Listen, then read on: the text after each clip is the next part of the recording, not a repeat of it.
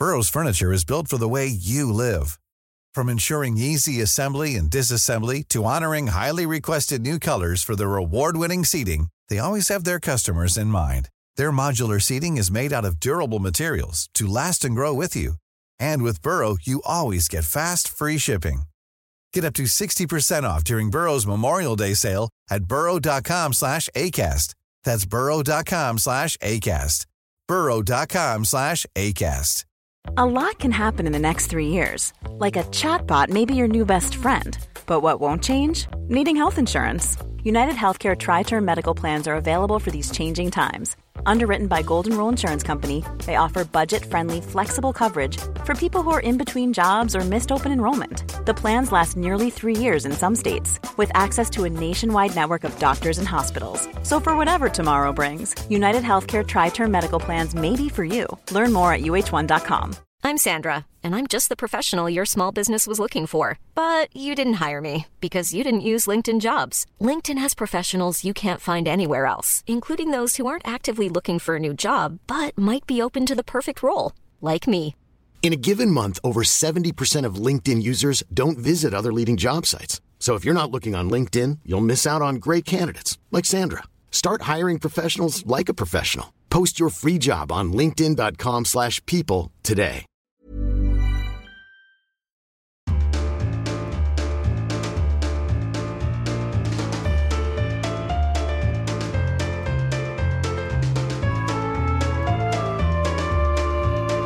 Varmt välkomna till GPs fotbollspodd Laul med vänner som idag går under fanan Vänner utan Laul. Till skillnad från tidigare ska vi däremot inte diskutera fantasy allsvenskan den här gången utan det blir en hyperintressant derbyspecial.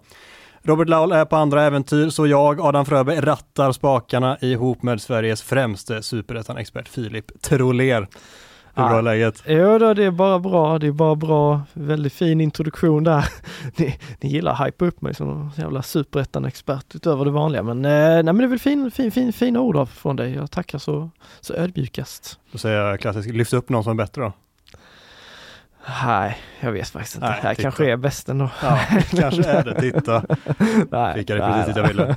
Nej men eh, vi har ett Göteborgsderby i ryggen och vi har ett Göteborgsderby som eh, hägrar. Hur känns det mellan två stycken eh, stormatcher? Eh, Ja men det har ju verkligen varit eh, derbypuls. Eh, Man kan ju tycka att det är lite synd på ett sätt att de ligger så tätt på varandra för man hinner liksom inte maxa ut riktigt av, av varje enskild match. Men eh, nu har vi släppt eh, Häcken Blåvitt som var en, för, för Häcken en fantastisk fotbollsmatch men en, en fin inramning som, som match. Eh, nu blickar vi mot, eh, mot Superettan och, och Gais som, eh, ja men jag tycker med rivalitet och, och sådär och hur, hur hetsen är på biljettfront och så, så är det väl en match som ännu mer liksom taggar mig i alla fall. Ja, verkligen samma. Hur, hur taggad är du på matchen då? Ja, men jag är otroligt taggad, övertaggad skulle jag nästan säga. Nej, men redan när jag såg, såg den här matchen i kalendern och jag såg att den låg här i början på juni, då får man förhoppningarna, åh kan det vara lite gött väder då, säga att Gais och ÖIS är med eh, i, i, i toppen eller har lite känn på det, då, då kan vi få en riktig derbyfest. Och det tycker jag ju att den här matchen, den är ju värd det. Alltså de här två, två klubbarna, anrika klubbar som visst de har kämpat länge utanför allsvenskan men det är ju, det är ju två eh, ja, men giganter i svensk fotbollshistoria. Eh, och de, eh, de, en match mellan de två, det förtjänar en högklassig inramning och nu eh, ser allt av döma så, får- så får vi det också. Det ser ut som, precis som du säger, att det drömscenariot som du målade upp för dig förra säsongen när du såg eh, vilket datum den här matchen skulle Ja. spelas. Alltså det är ju check på strålande väder. Vi kanske inte ska vara kanske kan slå fast det helt och hållet Nej, med tanke men på det- hur vi vet hur svenska vädret är, men det, allt eh, pekar på att det blir Ja. strålande sol och Ja. ett kalasväder.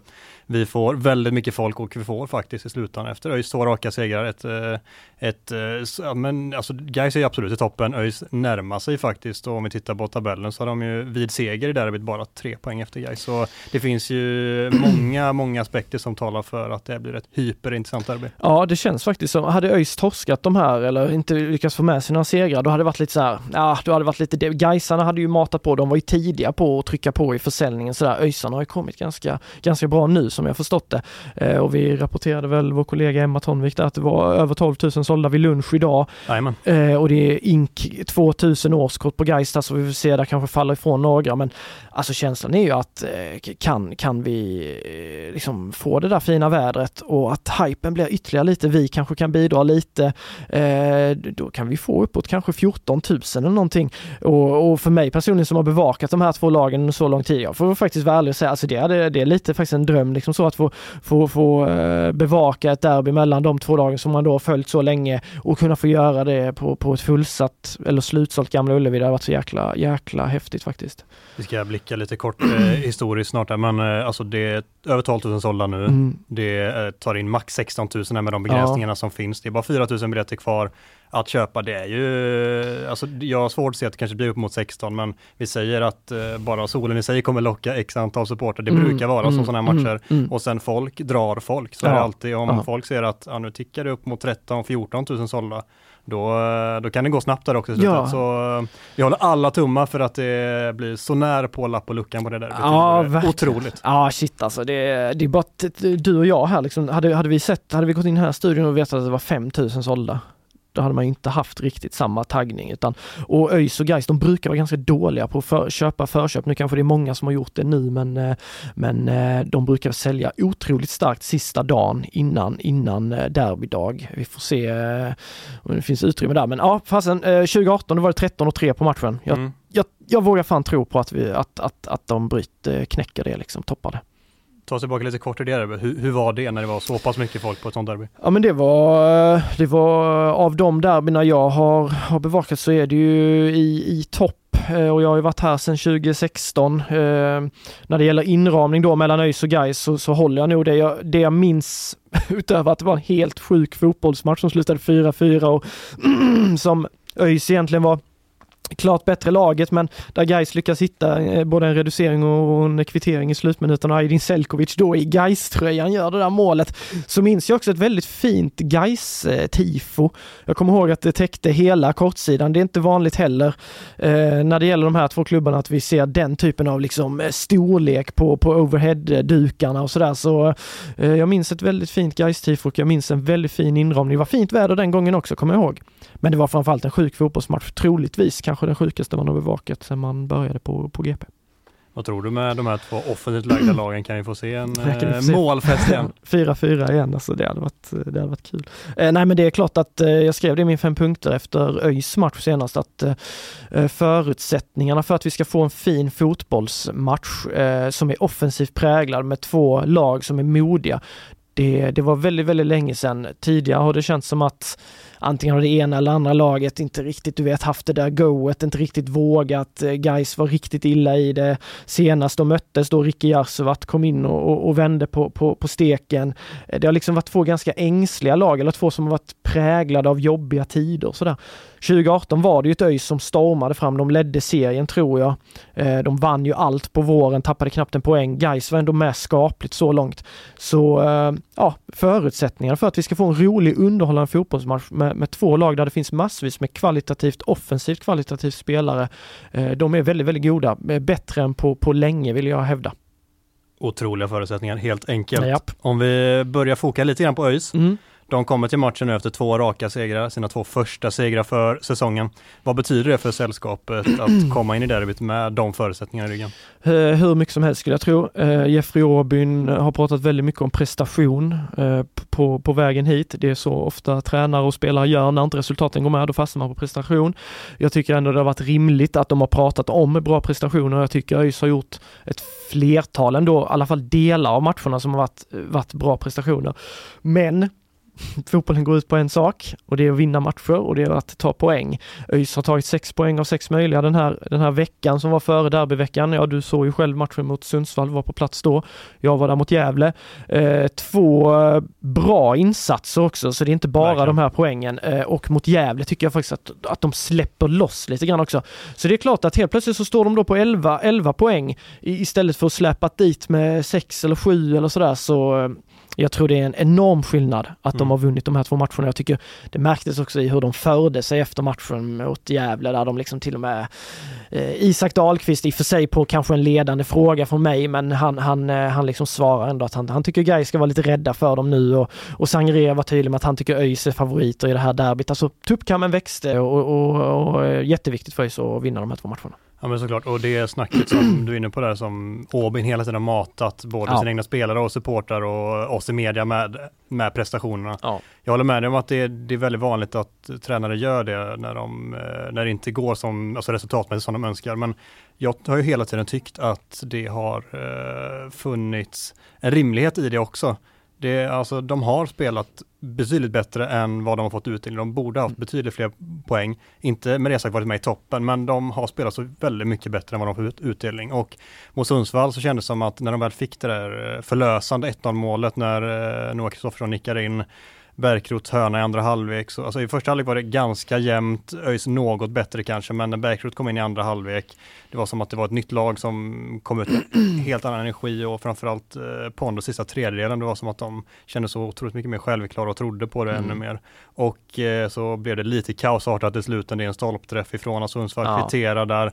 Då var det som att de kände äntligen fick vi lite stolpe in med sig Mm, mm. ÖIS, när det kanske i perioder varit tvärtom. Ja. Och att det bara fick en stor, tung sten att lätta från samtligas axlar Ja. i både spelarna och tränarstaben. För Åbyn stod ju, han var ju, i början så pratade när jag pratade om efter matchen, var väldigt så här, ja men det jag känner samma som innan, att vi gör en bra Mm. prestation den här gången får vi vinst och sen eh, liksom efter att prata en stund så erkänner jag att det var väldigt skönt att den här trean Ja. faktiskt plötsligt kom nu. Ja. Och, att det, och det kändes som att det också speglade av sig på matchen därefter som du var på mot Gävle på Gamla Ullevi. Ja precis, för då släpper de lös ytterligare på, på ett sätt. Alltså det finns ju sådana ögonblick som kan tendera till att eh, definiera säsonger. Den där stolpträffen från Sundsvall.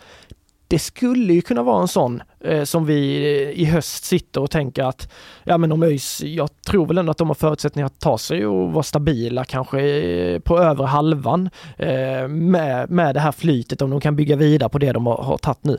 Eh, den stolpträffen, hade den, den bollen gått in istället Mm, då tror jag inte det hade sett så avspänt ut som det gjorde mot Gävle. Eh, spelarna hade, åh, då hade det blivit ännu en match liksom. Då hade det här, vi hade fortsatt tugga om att ja men ni vinner inte, ni bara kryssar. Alltså det blir det hela tiden. Och även om uh, spelare och, och, och ledare tittar på prestationen och ser vad gör vi i matcherna som är bra så, så blir man ändå påverkad av det. Undermedvetet eller, eller inte liksom så, så, så, så är det så är det något som, som, som präglar och eh, jag tittade ju lite snabbt på Y-scouts siffror här med expected points. Mm. ÖIS är ju faktiskt fyra nu Ja. i den ligan. Alltså att de skulle haft 14,5 poäng eller något sånt där. Enligt då alla olika parametrar.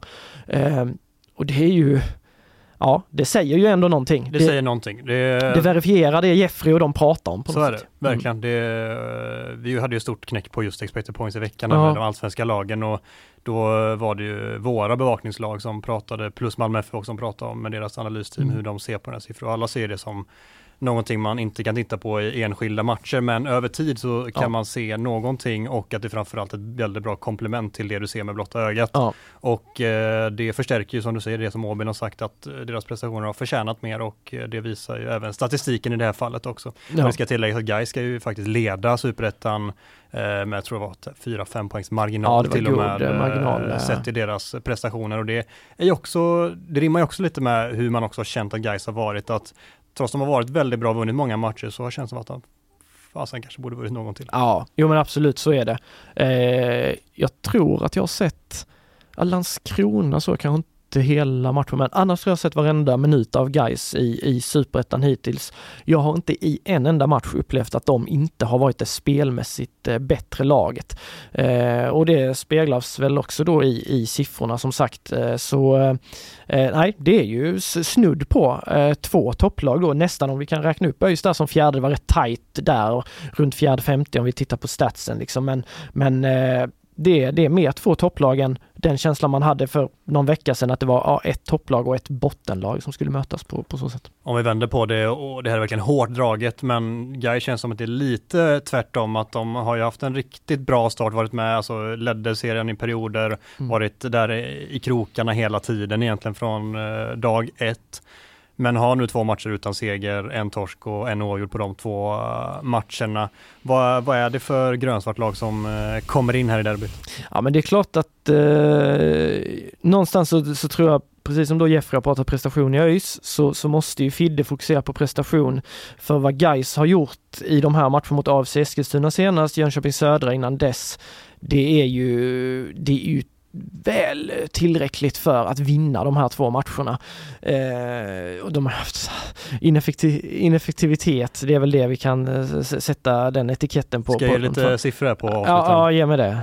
De har alltså på de här två matcherna då mot eh, J Södra och AC Eskilstuna totalt avslutat 45 gånger och gjort Ja. noll mål på de 45 avsluten. Ja, det, det säger ju något, alltså det säger ju något om hur eh, metodiskt duktiga de är på att hitta målchanser, skapa målchanser och det har jag ju liksom upplevt hela tiden med den här upplagan att de, de är så konkreta i det de gör och det blir kanske lite mot hur jag tycker har skilt sig mot ÖIS att ÖIS har varit bra på bitarna fram men inte riktigt kommit till de där konkreta målchanserna, typ Örebro borta, inte riktigt kommit till de konkreta tydliga lägena. I Gais- sista tredjedelen Ja, som exakt. sånt väldigt ofta tycker jag Ja, för ÖIS. och det har blivit lite sådär, ja, ja. det har blivit lite halvchans liksom istället. Gais har kommit till konkreta tydliga lägen.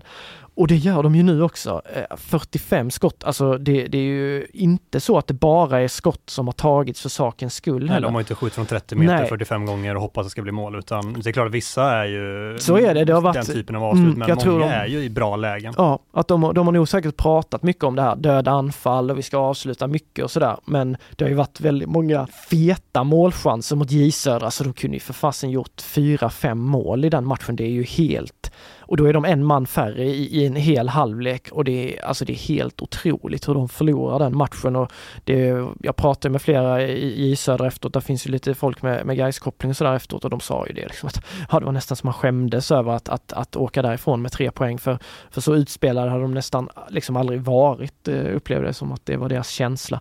Eh, så jag vill ändå eh, hävda att det är ett Gais som ändå mår bra, men det blir ändå två matcher utan, utan utan seger och eh, i och med att de har börjat så starkt och att de har skämt bort sina supportrar med att vinna, vinna, vinna hela tiden under ganska lång tid, och om vi tar ettan-sessionen också, så ser man ändå ganska snabbt alltså att vissa supportrar, vilket är helt sjukt, tappar fattningen. Så här. lite ängsliga Ja, ja men så här, lite ängsliga och de blir lite så här k- kritiska. Sen ser jag dock att det är väldigt många supportrar som då är där och bara, "Ah, men fan skärp er, vi har inte sett Gais spela sån här fotboll på 10-20 år Nej, de liksom. måste tillåta sig själva att zooma ut ja, men, lite ja, men lite så liksom. Men det är klart att man, man är ju en vane, alltså alla, vi, människan är ju liksom en vaneperson och man vänjer sig vid någonting. Gais har vant sig nu här vid att vinna matcher hela tiden på löpande band. Då blir det lite Ja, börjar tänka lite och, och ställer ännu högre krav. Jag tror aldrig någon, det finns inte någon Gaisa som hade varit missnöjd med de här två prestationerna om man, om man liksom skulle stoppa in dem i en säsong 2019 eller 2021 eller sådär. Då, då hade man tyckt att detta var, helvete vad bra vi var. Mm. Tycker att det är att göra det, att man gör en höna av en fjäder när man säger att de har det svårt eller tuffare, att de har en problematik framåt med att göra mål just nu efter att eh, inte gjort något på två matcher. Nej, men inte om man isolerar det bara till den punkten. Då tycker jag inte att det är till att överdriva det på något sätt, utan det har ju varit en, eh, det har ju varit en ineffektivitet. Eh, Julius Lindberg som gjorde mycket mål i början, han han har haft ett par riktigt bra lägen. De målen som tidigare satt, de sitter inte längre. Mervan Celik ska vi inte prata om. Han har haft en jäkla massa bra chanser och bränt. Alexander Ahl Holmström har haft flera bra chanser och bränt. Eh, så det är ju klart att det är något att jobba på och, det måste de ju i, det förutsätter ju att de i träning nöter naturligtvis. Eh, och sen handlar det också bara om att liksom pusha sig själva hela tiden. Men vi kommer till chanserna, bara behåll det där, tänk på Brage-matchen, tänk på drömmålet, alltså tänk på dem avsnitten, få in den känslan igen. Eh, så, så tänker jag, men eh, absolut, det vore, ju, det vore ju konstigt att säga att de inte har haft problem med effektiviteten de här två senaste matcherna. Hej, jag Ryan Reynolds. På Mint Mobile, we like to do the opposite of what Big Wireless does. They charge you a lot, we charge you a little. So naturally, when they announced they'd be raising their prices due to inflation, we decided to deflate our prices due to not hating you. That's right. We're cutting the price of Mint Unlimited from $30 a month to just $15 a month. Give it a try at mintmobile.com slash switch. $45 upfront for three months plus taxes and fees. Promo rate for new customers for limited time. Unlimited more than 40 gigabytes per month. Slows. Full terms at mintmobile.com. I'm Sandra, and I'm just the professional your small business was looking for. But you didn't hire me because you didn't use LinkedIn jobs. LinkedIn has professionals you can't find anywhere else, including those who aren't actively looking for a new job but might be open to the perfect role, like me. In a given month, over 70% of LinkedIn users don't visit other leading job sites. So if you're not looking on LinkedIn, you'll miss out on great candidates like Sandra. Start hiring professionals like a professional. Post your free job on linkedin.com/people today. Burrow's furniture is built for the way you live. From ensuring easy assembly and disassembly to honoring highly requested new colors for their award-winning seating, they always have their customers in mind. Their modular seating is made out of durable materials to last and grow with you. And with Burrow, you always get fast, free shipping. Get up to 60% off during Burrow's Memorial Day sale at burrow.com slash ACAST. That's burrow.com slash ACAST. burrow.com slash ACAST.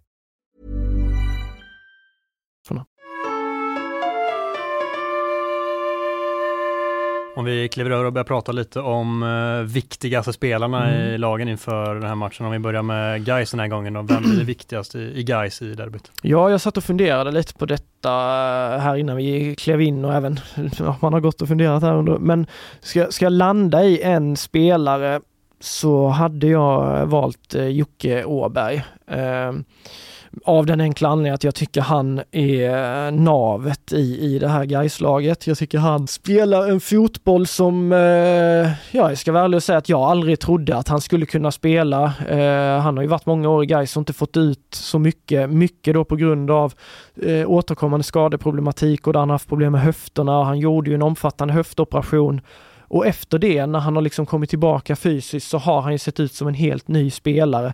Eh, jag har ju tyckt att han liksom har ju sett ut som en gubbe ibland, liksom knappt kunnat springa, hankat sig runt. Nu kan han röra sig obehindrat. Det är inte så att han är någon alltså tempot är inte hans största, största styrka, men det tycker jag också är lite häftigt med honom att trots att han inte har den här snabbheten eller kanske riktiga så här utväxlingen i acceleration och sånt, så kan han ändå vara en så formidabel spelare. Jag tycker han är deras bästa spelare, eh, alltså sett till sett till vad sammantaget under den här säsongen hittills. Stora ord. Ja, men jag tycker det. Och Julius absolut. Gustav Lundgren tycker jag också. De tre håller jag någonstans. Filip Bäckman kanske de fyra då. Men jag tycker Åberg ändå är är, ja, för just sätta spel, tempo, styra. Han är otroligt skicklig på hålla i bollen till rätt lägen, komma, liksom, motståndarna kommer inte åt honom i pressen och sådär. Han är, väldigt vass där, så jag skulle, ja, man får väl ha han uppe med Julius då och Lundgren kanske, men, men han eh, i det här derbyt där jag tror väldigt mycket kommer att handla om vem som är bäst på att ta kontroll över spelet och att avvärja det andra lagets intensiva press. ÖIS var väldigt bra i den delen av spelet mot Gävle, kom liksom högt på dem och, och skapade fullkomlig panik i Gävles backlinje. Eh, Geis Gais har ju varit effektiva på exakt samma sätt mot sina motståndare och båda är bollskickliga. Så det laget som kan vara bollskickligast och skickligast på att ta sig ur motståndarnas press, de kommer vinna och ska Gais vinna matchen då måste Jocke Åberg vara på topp där. Mm. Jäkligt intressant utläggning och jag ska säga att den spelartypen som Jocke Åberg är, det är min absoluta favoritspelare. Så ruskigt svag för den typen av spelare Ja, som ja. den här balansspelaren på mittfältet som ligger rätt hela tiden och har en en, eh, ja, men en så fantastiskt fin passningsfot både i det korta och långa spelet. Ja. Han väger liksom varje varje touch och passning helt rätt. Det, det tycker jag är kanske det mest imponerande på en fotbollsplan för att jag tittar på det så otroligt mycket och har gjort det länge. Med det sagt så, jag kommer inte välja Jocke Åberg här. Nej. Jag var lite och funderade på, ska man välja någon av de offensiva spelarna eftersom att det är just eh, målskyttet som de har haft svårast med det senaste. Ska man välja kanske Mervan Celik som är den som jag tycker man ska kunna lägga störst ansvar på en sån här stor match som Ja. ett derby är, som har den erfarenhet som han har i sig, som har varit med och avgjort ett derby mot IFK Göteborg i Svenska Cupen till exempel. Är det honom som blir nyckelspelare nummer ett då? Kanske, men jag landar ändå i slutändan att det blir Julius Lindberg. Ja. Och eh, han har inte varit riktigt lika bra senaste matchen som du var inne på tidigare. Men på det stora hela tycker jag att han har varit deras bästa spelare. I hård konkurrens som du nämner också, men enligt mig så har han varit bäst av alla i, i Gais och kanske till och med hela superettan eh, den här våren. Och Eh, då är det inte helt orimligt att en sån spelare också blir den största nyckeln i eh, den eh, största matchen för säsongen. Nej, nej det är, jag förstår ju, jag köper ditt resonemang också hur, hur det låter. Och med Mervan där, det, det tycker jag också är ett klokt inspel för han, det är inte så många av de här gubbarna som är på plan som är verkliga så här vad ska man säga, alltså Jocke Åberg kanske inte känns som en derbyspelare. Mervan känns ju som de stora matchernas man på Verkligen. något sätt. Så så sätt hade det väl varit rimligt att, att fronta upp honom. Och Julius, eh, ja, det, det går ju inte att, han blev väl utsedd till månadens spelare i april också liksom, så det, det går inte att snacka bort att han har varit kanske så superettans bästa spelare. Men jag tycker Jocke Åberg, man glömmer bort den typen Verkligen. av spelare. Det är lättare att fa, fa, liksom fastna med ögonen på, på en sån Mm. som Julius. Eh, sen är jag lite så här, ja, hur ska Fidde använda honom? Eh, för nu, eh, han har ju spelat en del matcher som nia, alltså han kommer till chanser då också, han har gjort mål som både nia och åtta, men jag tycker han har varit som allra, allra, allra bäst som åtta. Ja, han får komma rätt för Ja, ännu oftare. ja. Jag tycker det är viktigaste med, med den typen av spelar, typ som Julius Lindberg, är Ja. att få honom rättvänd så mycket det bara går. Ja. Då är det lättare att utgå ett hack bak än ett hack fram. Ja, ja men så är det ju och där blir det ju upp till till ÖIS eh, backlinje och defensiva sköldar där på mitten att, att, att stoppa honom. Så ja, ja, ja, det är inte så att man kan eh, pissa på ditt, ditt inspel här att det här är vansinne. Även om Jag- du skulle vilja det. Ja, precis. Det hade varit ganska gött. Eh, nej, men eh, klokt inspel. Julius kommer också vara en jätteviktig spelare i derbyt. Om vi vänder på den berömda steken och pratar ÖIS nyckelspelare, vem Mm. har du plockat ut där? Eh, då landar jag i Niklas Bärkroth. Eh, och jag gör det av den enkla anledningen att jag tycker, som vi var inne lite på, eller som du var inne lite på, att det är ett annat ÖIS. När han kommer in, byts in mot Sundsvall, så blir det ett annat ÖIS. Och jag tycker också man ser hela laget, alltså det blir en annan trygghet när han är på plan där. Alltså han har en rutin, han har ju varit på, på en scen som ja nu kanske man bommar någon här i minnet, men som ingen annan i, i det här islaget har varit på. Eh, han har vunnit SM-guld, han har spelat för Djurgården, han har spelat för Norrköping, han har varit utomlands. Han, alltså det är ju en eh, spelare som sett till meriter är ju överkvalificerad för superettan. Nu får han äntligen vara frisk och, har- och har fått komma in, han har fått varva igång sin kropp. Jag tycker han gör en jättebra insats mot, mot eh, Gävle, ja Sundsvall och mot Gävle också.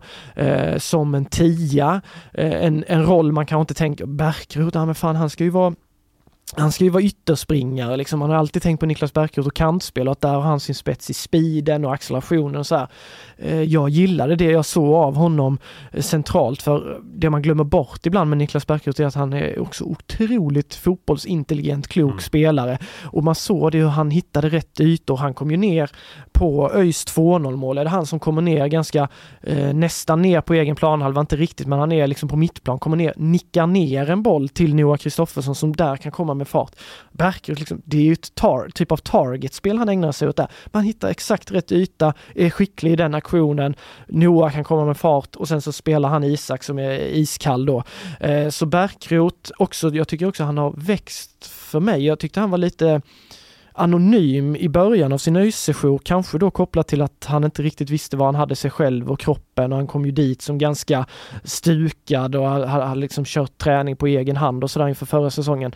Eh, Att han inte riktigt tog den platsen, men nu tycker jag också det var någon sekvens där han liksom samlar ihop laget, var det mot Sundsvall kanske, Mm. eller så, liksom styr och visar att han är den här pappan eh, och nu när Paulsson också varit borta så han, ja, han, har, han har tagit lite lagkaptens ansvar, betett sig som en lagkapten och det, Det ska jag säga, för, för att jag avbryter, men men sa nu- just det direkt efter matchen, när jag frågade om Bergkroths inverkan på den andra halvlek, när han kom Mm. in i paus där, han hyllar honom till skyarna för sättet som han tar sig an matchen, han kommer Mm. ut liksom, spänner upp bröstet och den inverkan han får på hela laget i övrigt, det är inte enskilt i hans egna aktioner med bollen, utan bara påverkan som han har på de andra spelarna med sin blotta närvaro i, mm, i, i, i den sista tredjedelen Mm. egentligen. Det, det blev så mycket rakare, så mycket mer solklart hur alla skulle agera, plötsligt bara för att han fanns där med sin, på något sätt, papparoll för att han, Ja. eh, han har varit med om det mesta och det verkar bli en otrolig trygghet för alla spelare Ja. fram att ha honom med sig. Så den inverkan som han har fått på det sättet har, tror jag, varit ovärderlig de här två matcherna för ÖIS.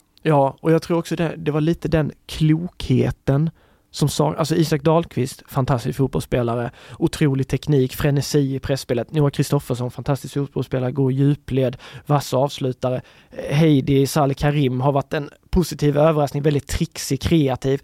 Men i den där offensiven så har de ju saknat den där lite ja men fotbollshjärnan om man får säga så, alltså som har en smartness som är på en väldigt, väldigt hög nivå i superettan. Och när man då kan addera Bärkroth där så tror jag inte bara att han som enskild spelare blir väldigt viktig utan att han ger så jäkla mycket till de andra tre där. Och därför så tycker jag att han är deras viktigaste spelare. Mm.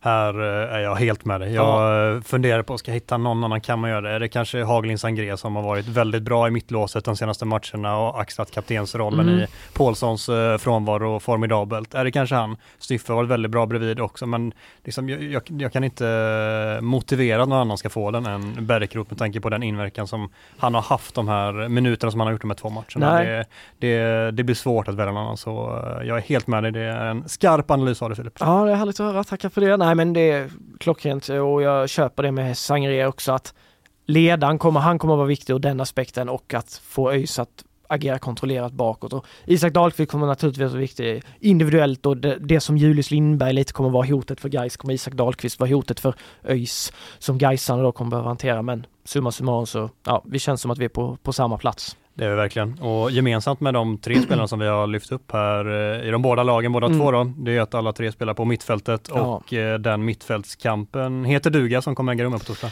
Ja, den kommer bli, eh, den kommer bli riktigt mäktig alltså. Nu får vi se, det är så oklart hur de, framförallt kanske Fidde, han har ju laborerat hej vilt där ju. Det man vet är väl att Joakim Åberg kommer spela. Skulle han då jag tycker de har sett som allra bäst ut. Det är med Gustav Lundgren till höger om honom och Julius Lindberg till vänster om honom. Men Dino Salihovic har ju fått ett jättestort förtroende de mm. senaste matcherna och det är ett förtroende jag tycker han har tagit. Jonas Lindberg, nu utgick väl han eh, senast mot um, AFC. Eh, AFC ja, eh, annars är ju han, alltså det är ju sånt sparkapital att sitta med Jonas ja, Lindberg liksom. Det är en som, lyx. Ja, det är en lyx. Och sen så eh, finns ju, alltså Viktor Alexandersson, han kanske inte är aktuell så för en startelva, men, men där är mycket klass och han kan laborera ganska mycket Fidde, men vad man vet är ju att Gais kommer komma ut med ett, ett mittfält som är, eh, ja, det är superettans bästa. Ja, jag är helt med dig och vi satt och pratade lite om det här innan när vi pratade mm. igenom punkterna och jämförde lite grann med att Häcken har allsvenskans bästa innermittfält ja. enligt oss mm. och att Gais kanske på något sätt eh, lite hårt draget blir motsvarigheten i, i superettan. IFK Göteborg kunde inte hantera det mittfältet i derbyt igår då när vi spelar in detta. Hur tror du att ÖIS motsvarighet kommer kunna hantera Gais i det Göteborgsderbyt på torsdag? Jag tror att ÖIS har bättre möjligheter att Eh, att, hantera det här framgångsrika Gais mittfältet än vad Blåvitt har. För jag tycker att kvalitetsskillnaden, även om Gais är väldigt bra, eh, så tycker jag att ÖIS ändå ligger närmare än vad Blåvitt ligger Häcken.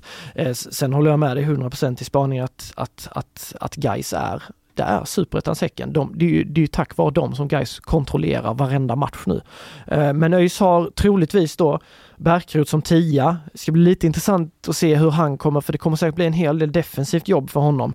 Hur kommer han liksom att palla med det? Han har, inte, han har ju inte gjort 90 än sedan han kom mm. tillbaka. Mm. Det kommer vara mycket springa där, tror jag, för jag tror guys kommer ha lite mer kontroll.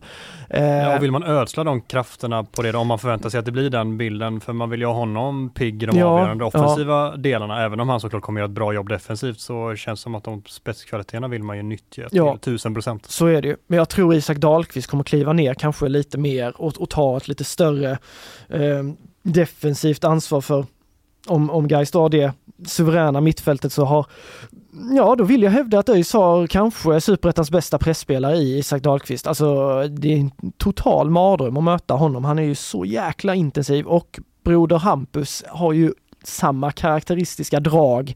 Eh, de är ju, den intensiteten som de, de två har, eh, Dahlqvist-grabbarna, det, det är ju sånt som triggar och får med de andra spelarna och jag tror de kommer ju bli väldigt viktiga i då det här för att man ska kunna stå upp i den mittfältskampen. Sen gjorde Sadiku ett tjusigt mål, gjorde en bra insats mot Gävle. Vilket mål också. Ja, det är ju ja, det är årets mål hittills i Superettan i alla fall. Eh, troligtvis blir det väl då Sadiku, Hampus Dahlqvist och Berkut. Jag har svårt att se att eh, Jeffrey ändrar förutsatt att Jonathan Drott inte är tillbaka. Då tror jag faktiskt att Drott kliver in. Och Drott är ju lite annan. Han är ju ganska tuff och, och hård och då tror jag att han, han kommer nog smälla på ordentligt och, och där blir ju då en utmaning för Gais hur de för det är ju inte riktigt Julius Lindberg, Gurra Lundgren och Jocke Åberg, det är inte smälla på-gubbar direkt. Eh, Dino Salihovic har ju lite mer av det där men eh, då blir det helt plötsligt tippar över för Gais del. Hur, hur hanterar de det? Mm. Det blir hyperintressant att se matchen i matchen som man så ofta pratar om mittfältet. Ja, ja men mittfältskamp, den kommer bli brutal. Jag har plockat ut en spelare i varje lag här som du ska få resonera lite kring mm. om den kommer starta eller inte. Mm. Börjar i Guys, Richard Friday, vad tror du om honom? Ska han starta och kommer han starta?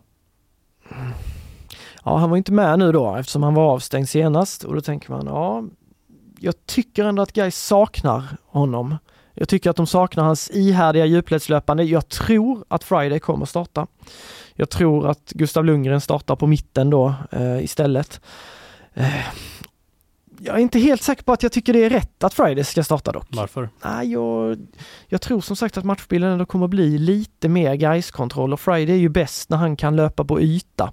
Sen kommer det nog vara ganska svängigt spel i och för sig och det kan ju vara en anledning att, att man ska ha med Friday. Och att han har gett mycket, jag, jag tycker att han som individuell med bollen så tycker jag att han fortfarande ofta faller ur ramen. Även om han är betydligt bättre i år än vad han var i fjol så tycker jag att han, han är för slarvig i slutprodukten. Men han väger upp det med att han är så jäkla giftig i de här djupledslöpningarna. Har du en sån spelare som honom då kan du som motståndare, du kan aldrig vila. Han mördade ju Oskar Wendt när de mötte Blåvitt i, i, i kuppen. Eh, inte så mycket genom att han tog sig till, men han bara mm. matade mm. dem med löpningar som sårade Blåvitt hela tiden och fick dem att liksom inte kunna kontrollera det. Och den spelartypen, den är ja, den är underskattad faktiskt för, för spelet, eh, liksom vilka möjligheter du har att få till ett bra anfallsspel. Så jag tror Friday startar, eh, jag kan köpa att, det, att han gör det, eh, men kopplat till vad jag förväntar mig för matchbild så hade jag kanske valt annorlunda. Ja, Nej, jag köper, alltså han, han som spelar, den spelartypen är jag en stor förespråkare att alla lag behöver mm. någon av i sin, någon form av offensiva formation. Ja. Du måste ha den, alltså dels snabbheten som han besitter, för den mm. saknar de lite i övrigt, guys ja. i den, som de, den eh, formationen som de brukar ställa ut där framåt. Och då är han så otroligt viktig bara med snabbheten och djupledshotet hela tiden. Mm. Du måste ha det i, det är bara att titta på alla framgångsrika lag ute i Europa, i allsvenskan, det är snabbhet, snabbhet, snabbhet. Det går mm. inte att bara ha bollskickliga spelare som kanske inte har den här riktiga explosiviteten. Du måste ha åtminstone någon spelare med den i laget och därför så blir han väldigt viktig för guys när de inte har det i övrigt i laget på det sättet. Nej precis, de har ju, det är klart att de har många snabba spel men det är många som gillar att ha bollen vid fötterna precis. liksom och så är bättre som mötande. I ÖIS har vi ju, de har ju sin Noah, han är ju grym liksom på att gå i, i, i djupled så ja, jag, eh, jag köper den poängen liksom att man eh, och jag tycker också att det glöms bort lite i fotbollen. Bara för att du inte är briljant med, med bollen så blir det att eh, ja, man, man tittar väldigt mycket på vilka är de mest bollskickliga spelarna men du kan vara en jävligt bra fotbollsspelare på att göra saker utan boll också. Mm, verkligen. ÖIS då, de har en lagkapten som har bommat sista matcherna med lite skadeproblem, Daniel mm. Paulsson, varit mm. tillbaka i träning nu ja. på uh, den senaste veckan i alla fall. Ja. Bör och kommer han starta tror du? Jag tror inte han startar. Eh, hade det varit för några år sedan eller under någon annan tränare eh, och Paulsson hade klivit in och sagt till tränaren liksom att jag är 100%, jag har tränat 100%. Finns inte på kartan att Daniel Paulsson inte hade startat den matchen då, en derbymatch mot Gais. Eh, nu är jag inte lika säker. Eh, Jeffrey Aubin har visat att han är en modig tränare. Han har satt fjolårets kanske bästa spelare på bänken, Jonathan Asulaj, som inte har levererat som han själv eller som ÖIS har önskat under inledningen av säsongen, haft lite otur, lite konstiga sekvenser, men också inte varit så skarp som man kan förvänta sig av honom. Han har fått sitta bänk nu, Styffe har klivit in där. Jeffrey, inga problem med det liksom. Han tar det obekväma beslutet som man ändå får säga att det. Mm. För de har hög rang i, eller liksom hög status i, i truppen, både Paulsson och Asulaj. Han har bytt ut Paulsson tidigare. Eh, liksom, det är ingen som går säker i, i den här öis och jag gillar det. Alltså, det är klart att Daniel Paulsson, han ska, han ska ha all respekt och, och otroligt mycket beröm för han är en fantastisk liksom, företeelse i en fotbollsvärld som ser helt annorlunda ut där spelare bara flyger fram och tillbaka och klubbhjärta är, är inte så eh, vanligt förekommande som förut. Men man måste också kunna ställa krav och har du spelare som har levererat som Jonathan Drott har gjort och Bärkroth då tillbaka och så Hampus Dahlqvist som är så bra i sitt pressspel ja, då kanske Daniel Paulsson också, trots att han är Daniel Paulsson, trots att han är lagkapten, också får finna sig att sätta sig på bänken. Och nu har han då som sagt, ja, jag vet inte exakt hur många träningar han har gjort, men det kanske också är rimligt att han får sätta sig på bänken i och med att han har varit ur matchen han klev av mot eh, Örebro borta. Om vi ponerar att han är startklar, ja. han själv säger att han vill spela men Jeffrey Aubin fattar det. Obekväma beslut som du beskriver det, att uh, han inte ska starta. Mm. Hur tror du att Paulsson själv hanterar det? Du som uh, har varit med och bevakat och pratat med honom så otroligt många gånger. Ja, Ja, men jag eh, upplever Polle som en, eh, han är en väldigt temperamentsfull eh, kille som blir jävligt förbannad på, på matcher och i sekvenser. Och jag tyckte den gången när han blev utbytt mot J Södra 53 minuten eller vad det var, Eh, att eh, det var, det var mörker i de ögonen eh, som liksom, även fall han senare har förklarat att mycket var ju att han var förbannad på sig själv och att han inte var tillräckligt bra. Det jag vet med Daniel Paulsson också är att han sätter alltid ÖIS i första rummet så att det skulle bli något gnäll eller något, liksom någon orimlig reaktion eller något inför öppen ridå eller sådär. Det finns inte på kartan. Det tror jag inte. Vi har pratat eh, nyckelspelare, vi har pratat mittfält mot mittfält. Men vi har också en hyperintressant anfallsbatalj eh, här också i derbyt på torsdag. I en Alexander Ahl Holmström som lämnade ÖIS för Gais mm. i vintras och vi har Noah Kristoffersson som gick till ÖIS, men det tisslade och tasslade som om han var på väg till eh, kanske konkurrenten, största rivalen Gais. Ja, ja de uppgifterna som vi nåddes av eh, i, i vintras var ju att det var extremt eh, nära med Gais. Eh, att det var någon detalj som det föll på lite grann vad man har hört det är väl 99 eller ja, det är, det är väl uppgifter som ändå känns väldigt trovärdiga att, att det var någon form av klausul liksom i kontraktet där de inte riktigt kunde enas. Eh, och sen eh, var väl ÖIS också väldigt intresserade, jag betvivlar inte att Noah också var väldigt sugen på, på ÖIS-projektet för det kändes som att ja, både Gais och ÖIS var två väldigt bra alternativ men lite vad vi har hört i alla fall att det var lite klausul där eller, eller som fick att, att, eh, att Gais liksom försvann ur, ur matchen. Eh, sen eh, blir det ju att han har gått till ÖIS och Al Holmström har kommit till, eh, till Gais. Eh, Alex hade ju väldigt tufft i ÖIS, fick inte alls eh, ut någonting egentligen av sitt spel mer än att han räddade dem kvar. Eh, det är väl inte så lite i och för sig men det blir ju en väldigt, väldigt kittlande match och Noah Kristoffersson är ju på gång, verkligen. Ja, Noah har gjort mål i tre raka hemmamatcher nu för ÖIS, sina tre mm. första mål i, eh, i tävlingssammanhang. Ja. Och eh, det här derbyt, även om ÖIS inte står på hemmaplan så är det ju på Gamla Ullevi också, så han verkar trivas där numera. Målgaranti där numera kanske. Så, men eh, ja, jag sa det i podden här, jag poddade med Laul tidigare idag, att, att eh, han gör inte bara mål nu utan målet han gör mot Gävle är ett sånt mål som han gjorde en uppsjö av i, i eh, Torn där han liksom kommer rättvänd, får använda sin löpstyrka, håller undan motståndare och visar då att han har en funktionell teknik och han har både börjat göra mål, han har börjat göra mål som eh, är mål som Noah Kristoffersson gör och Jeffrey sa också det efter matchen senast att det där var ett Noah-mål, 100% mm. ett Noah-mål. Eh, så där kommer ju guys få se upp och jag är jäkligt imponerad av att, eller jag tycker att Jeffrey ska ha cred för att han har fortsatt tro på honom för, ja, både du och jag har ju sett hur han faktiskt har har kämpat här under inledningen i, i ÖIS och inte sett sådär sylvass ut eh, ganska långa perioder. Men eh, där, där eh, det väl, visar väl på att man är en duktig tränare som ser det där att tålamod, det behövs tålamod med den här killen och, och det kommer göra mer skada än nytta eh, om jag börjar röja, röja runt med honom, flytta honom eller bänka honom eller sådär. Vissa spelare mår ju bra av en bänkning. Noah Kristoffersson verkar vara eh, en spelare som mår bra av att få 100% förtroende och, och nu har det ju faktiskt släppt för honom och med den formen han är i nu så ja, nu, så, nu ser man ju det där man tänkte på förhand att han kommer ta superettan med, med storm. Mm. Jag bollade de här tankarna med Robin efter Sundsvall-matchen där det mm. var just Noah som avgjorde på, ja. på nick där. Uh, och uh, Åbyn var väldigt tydlig med att uh, det fanns, det är lätt att säga i efterhand kanske, jag vet ju inte vad han har tänkt där inom stängda dörrar, men han var så, det, det var såklart att han skulle fortsätta spela. Jag såg på träningen att han gjorde jättemycket mål och i matcherna så det absolut viktigaste var att han kom till lägen. Mm. Det lossnade inte, vi vet att han kan göra mål, han har inte lyckats med det än på superettanivå. Men han kommer hela tiden till lägen och han bidrar så mycket i spelet i övrigt att det inte var liksom någon snack om han skulle starta eller inte, utan det var bara att köra vidare trots att det tog 6-7 matcher innan det första målet kom. Och nu har det kommit och det känns som att han har behövt den här tiden, eh, den här startsträckan att acklimatisera mm. sig på, en, eh, på nästa nivå inom eh, det svenska seriesystemet, vilket Superettan är inför med ettan då, såklart. Så ja, men det känns jätteintressant att se hur han kommer också tackla det här derbyt och vad han kan ställa till med med den formen som han kommer in emot mot Guys här. Om vi vänder på det, Alexander Ahl Holmström som lämnade ÖIS för Guys, gjort ett mål hittills, lite skadebekymmer med ett, ett lår det senaste. Ja.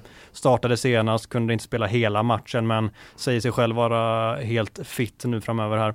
Vad, vad säger du om hans start på sessionen i Gais-tröjan? spelmässigt så tycker jag att Alex eh, har gjort det bra långa stunder. Liksom Noah Kristoffersson så har han kommit till väldigt många chanser. Eh, han har eh, haft väldigt många bra chanser också. Där får han, eh, liksom där behöver han lite, eh, vad säger man, själv, vara självkritisk att han eh, inte har lyckats få bättre utdelning än ett mål.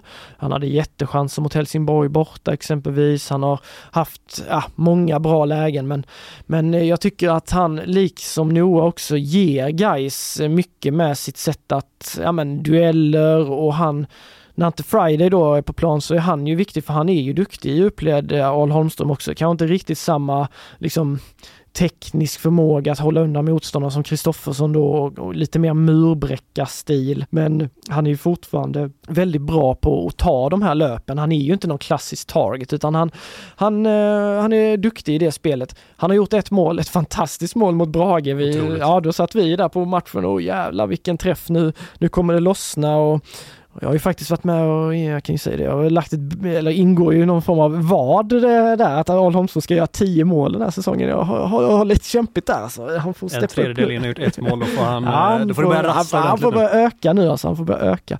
Men eh, nej, jag, och jag man kan vara kritisk mot att han inte har varit skarp nog. Eh, nu har han haft lite skadebekymmer. Hade jag varit Fredrik Holmberg om han var fit for fight, då hade jag ändå startat med honom i derbyt. Jag tror att det kommer eh, finnas lite extra känslor i den gubben eh, när, när eh, torsdagens match eh, blåses igång. Mm. Men vi kan väl enas om att vi inte ska använda uttrycket släkten är värst om han skulle göra Nej, det lovar vi. Det skiter vi Det är jag extremt trött ja, på. Ja, det är jag med. Ja, vad säger vi Filip, ska vi ge oss an en tippning också av det här derbyt då? Ja, ska vi göra det? Vad landar du då? Ja, eh, nej, men jag håller ändå guys som favoriter. Eh, men det är så här helt ärligt, alla matcher kan gå hur som helst. Den här matchen nu när jag tänker på den här matchen så tänker jag på den här matchen som att det kan gå hur som helst. ÖIS kan vinna den här matchen, Gais kan vinna den här matchen. Det kan också bli att de tar ut varandra och spelar kryss. Jag hatar att tippa kryss, eh, så det tänker jag inte göra. Därför så säger jag att Gais vinner matchen med 2-1. 2-1 och gör de mål då plötsligt? Är... Ja, jag, jag, tror det är dags nu. Jag tror det är dags nu. Mervan, eh, Mervan hänger ett. Julius gör ett och eh, sen gör Noah mål igen för ÖIS. Mm. Eh, men ja, nej, jag, jag ser Gais som lite förhandsfavoriter just för att de har varit väl presterande över längre tid, varit på en högre nivå över längre tid. De måste ses som favoriter i det här derbyt på förhand. Mm.